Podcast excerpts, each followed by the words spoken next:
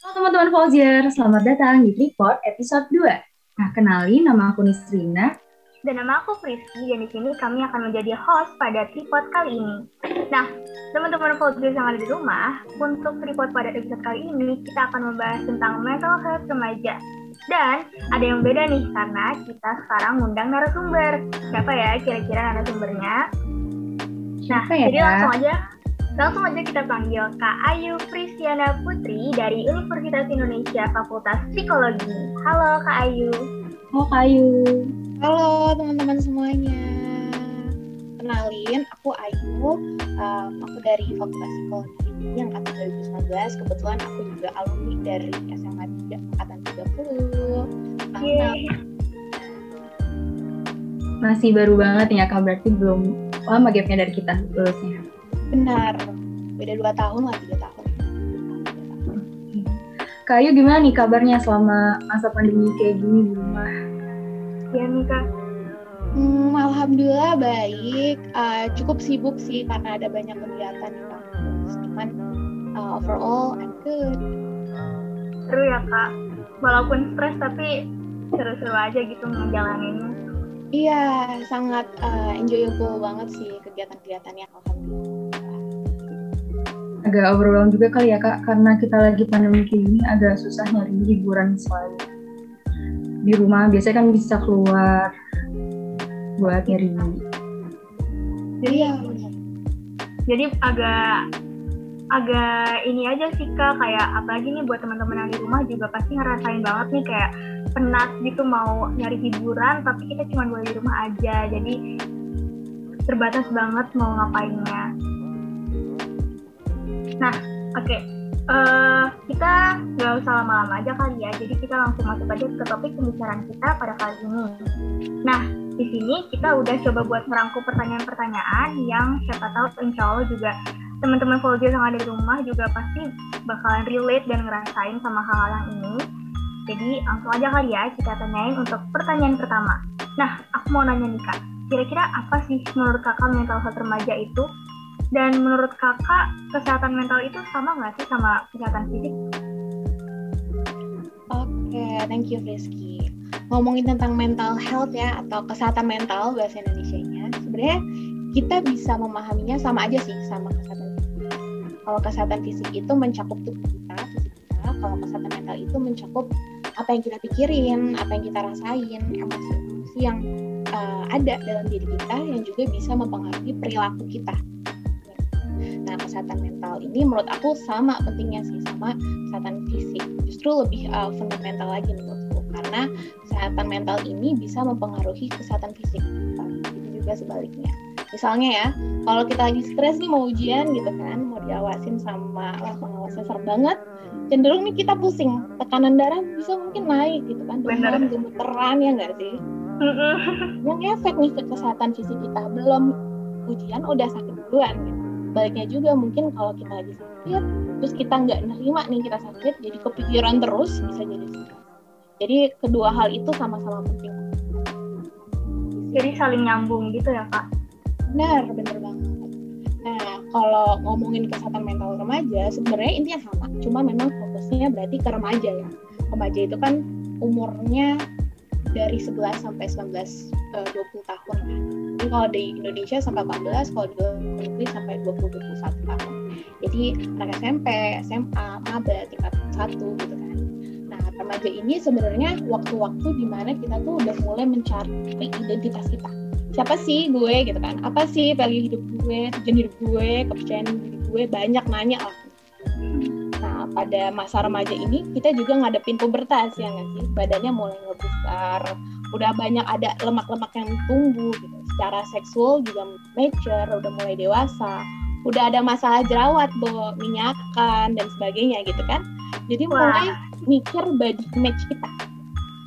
Nah kita di situ juga udah mulai nyari kemandirian atas diri kita sendiri. Karena mungkin waktu kita kecil kita masih diawasin banget ya nggak sih? Waktu SD masih dilihat-lihatin gitu kan. Nah kalau sekarang udah bisa mulai milih banyak hal yang mungkin pingin kita coba.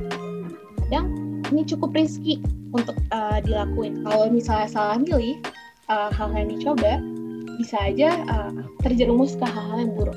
Apalagi remaja ini makanya juga mudah terpengaruhi sama peernya, sama teman-teman sebagainya. Makanya uh, ada yang namanya kenakalan remaja. So, ditambah lagi remaja ini juga cukup sensitif nih teman-teman sama stimulus sosial, emosional gitu. Jadi banyak hal-hal yang diselesaikan sama Nah dengan fakta-fakta yang udah aku sebutkan tadi, remaja ini sebenarnya fase yang cukup rentan untuk memiliki masalah akan kesehatan mentalnya. Karena ya balik lagi lagi wondering, mulai mikirin diri kita, body image, uh, banyak hal emosional, terpengaruh ya. Jadi, jadi bisa munculnya masalah-masalah. Sederhana mungkin teman-teman pernah overthinking ya Wah, itu udah jadi makanan sehari-hari kayaknya. Iya, benar. Gitu. Oke, Kak Ayu, masih berkaitan dengan topik yang tadi kita bahas nih kan di umur kita sekarang ya, di umur teman-teman volunteer juga, itu tuh sering banget nih uh, ngalamin struggle di self love. Sering banget nih insecure, merasa diri kita nggak pantas buat teman-teman atau buat lingkungan sekitar. Nah, kira-kira gimana sih Kak cara kita nerapin self love pada kebanyakan remaja yang sering kali ngerasa insecure dan sering ngebandingin dirinya sendiri ke orang lain, padahal itu tuh berdampak negatif gitu kan ya banget. Nih pertama-tama mungkin aku mau bilang kalau wajar banget ngerasain insecure gitu. Apalagi kita sekarang kan hidup di tengah masyarakat yang lingkungan sosialnya tuh bukan hanya di dunia nyata tapi juga di dunia maya di media sosial. In fact sebenarnya sekarang kita lebih banyak ngabisin waktu di media sosial. Kita terekspos sama orang lain lihat fix orang lihat SD orang. Terus mungkin jadi ngerasa ih kok gue kurang ya? Kok gue biasa aja ya? gitu dan sebagainya kita juga mulai nge-compare diri kita sama apalagi balik lagi tadi yang udah aku sebutin remaja itu kan udah mulai mikirin body image, udah mikirin tentang dirinya, value-nya dia gimana, worth-nya mereka tuh seperti apa gitu kan. Uh, badannya mungkin udah mulai membesar, ada lekukan tubuh yang tadi uh, jerawatan, minyakan, uh, jadi udah mulai diet, udah mulai olahraga, udah mulai skincarean dan lain-lain. Tapi kadang kita emang masih ngerasa kurang cukup juga yang lain kayak lebih cantik yang lain lebih bagus yang lain lebih langsing padahal kita sebenarnya udah oke okay. self love ini sebenarnya penting banget untuk diterapin saat kita insecure maupun lagi membandingin diri uh, sama orang lain uh, kalau menurut aku sih self love itu ya self love dari namanya aja kan berarti sayang sama diri sendiri itu berarti uh, menurut aku menerima diri seutuhnya cara menerapkannya gimana sih kak? Gitu. Kalau menurut aku ya pertama-tama dengan mengenal diri sendiri dulu, gitu. refleksi aja gitu. Siapa sih gue? Kenalan sama semua hal tentang kita. Dari baiknya, buruknya, rese-resenya, cakep-cakepnya, kenalan aja sama mereka. Gitu. Ya, rangkul diri kita seutuh-utuhnya. Gak apa-apa sih, biasanya emang agak-agak nolak dulu nih. Dulu aku waktu remaja mungkin masih SMA ya. Kalau waktu SMP, SMA, pernah ngerasa gue nggak pede gitu sama diri gue mungkin badan gue gitu. Tapi awalnya gue nggak nerima kalau misalnya aku tuh nggak pede gitu. Jadi masih kayak ngerasa oke okay, gue nggak pede gue apa kekurangan ini satu gitu kayak nggak mau ah gue nggak mungkin gitu gak mungkin kayak gitu. Tapi itu wajar banget untuk dinaik shock itu wajar banget. Tapi lama-lama cobalah berdamai dengan kita. Yang sebenarnya emang nggak secakep itu nggak ada yang sesempurna itu manusia gitu. Karena setelah aku pikir ya, setelah aku pikir-pikir apa ya menurut aku itu nggak fair untuk diri kita sih. Karena buruk-buruknya luka-lukanya diri kita tuh juga perlu untuk diakui gitu. Nah ketika kita udah mulai kenal berdamai dengan diri kita seutuhnya mulai deh kita belajar sayang sama diri sendiri. Kan tak kenal maka tak sayang. Berarti kenal dulu baru sayang. Kalau kenal agak-agak gimana begitu kan bun? Iya. Ternyata itu juga itu juga berlaku buat diri sendiri juga ya kata kenal sama kata sayang tuh. Tapi kalau kita udah mulai kenal udah mulai sayang dari kita punya akan membuat kita ngerasa lebih aman nyaman sama diri kita. Kayak ayam minat hmm. uh, justru ketika kita menerima diri kita kita jadi bisa lebih merasa berharga lebih sayang sama diri kita lebih pede dan akhirnya nanti bisa berbelas kasih berbaik hati lah sama diri kita.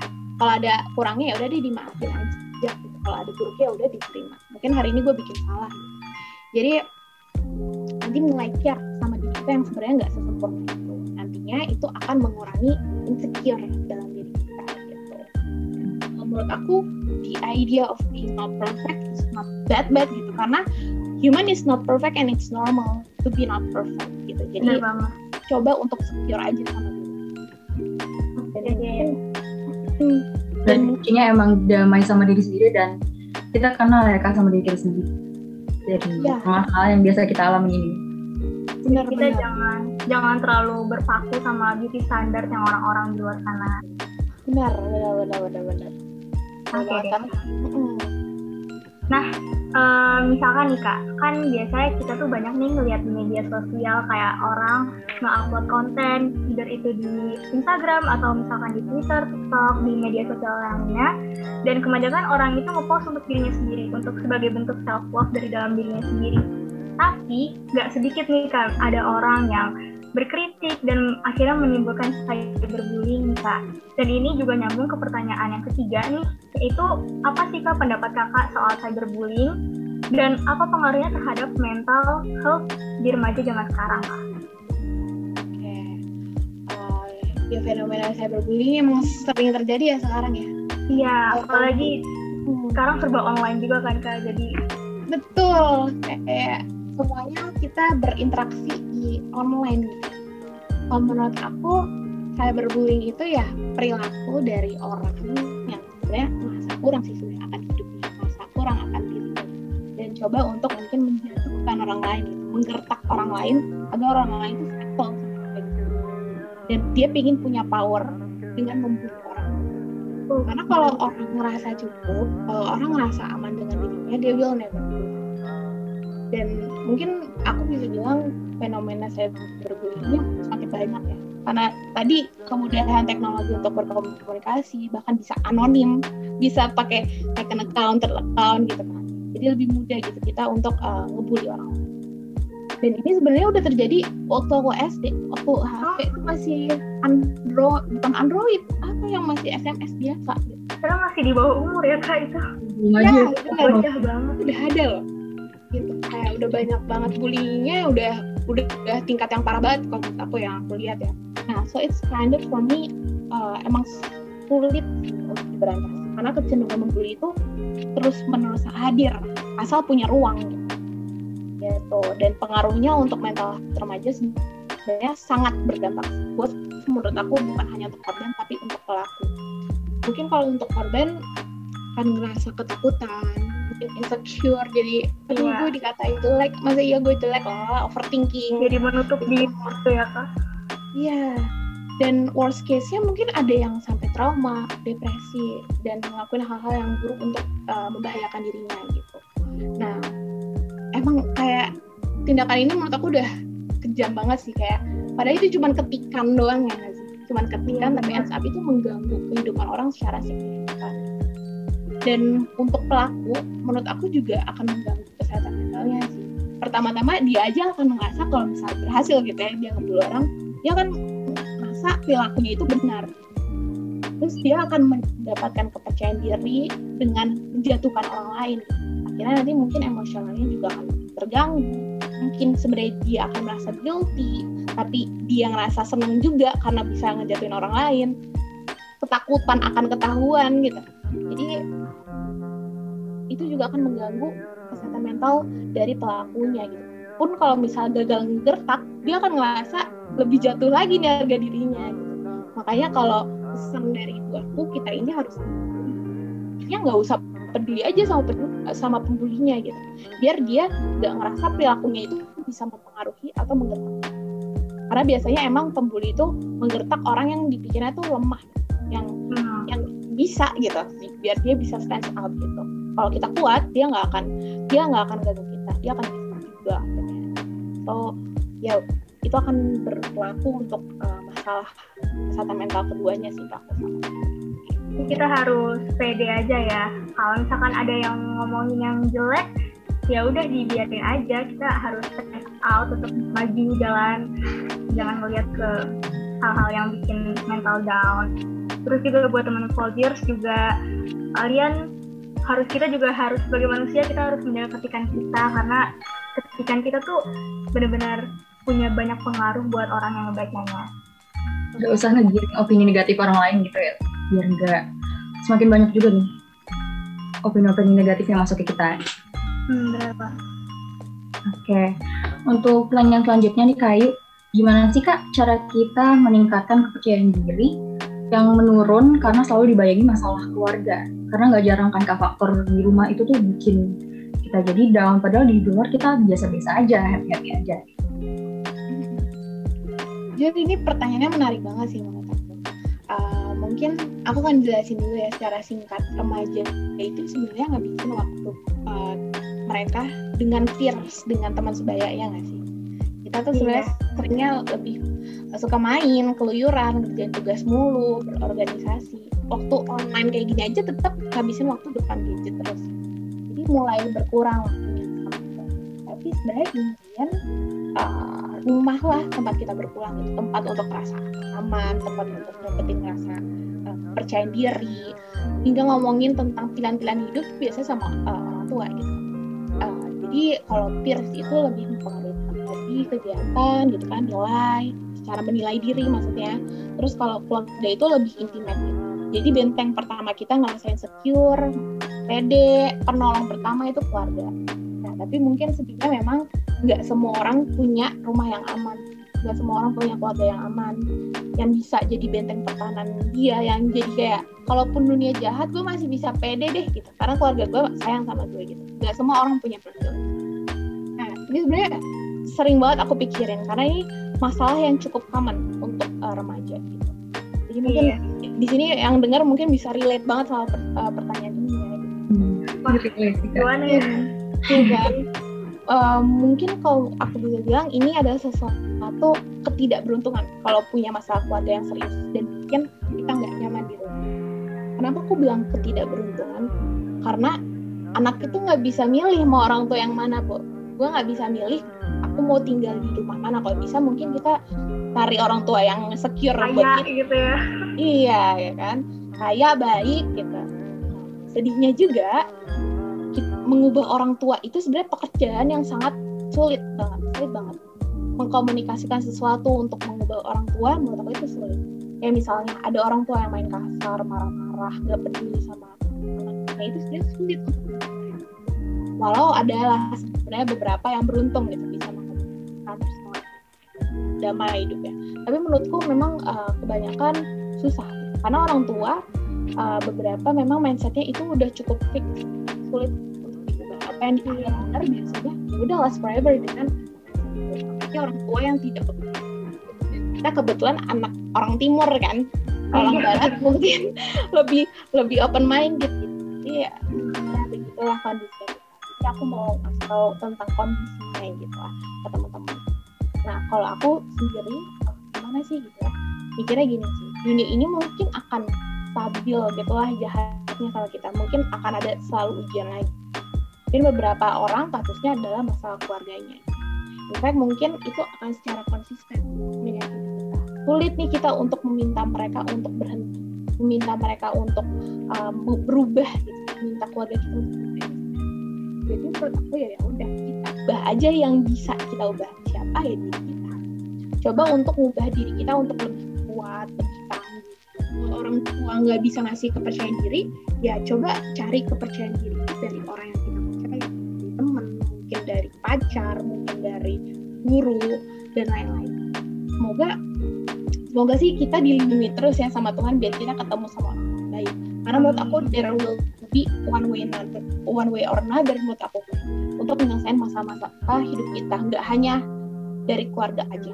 Karena kalau misal keluarga nggak ada ya udah kita find another way aja gitu. Dan kalau misalnya sulit banget untuk cari support system ya coba balik lagi nih. Tamengnya ya udah kita aja. Coba untuk belajar sayang diri kita jadi teman untuk diri kita. Jadi kita bisa self love dan naikin kepercayaan stop uh, with yourself first aja be friend with yourself oke okay deh. Jadi kita pokoknya um, harus inilah ya kak. Kita jangan terlalu berpaku sama orang lain karena kita juga masih punya diri kita sendiri. Hmm. jadi kita harus fight for ourselves juga. Benar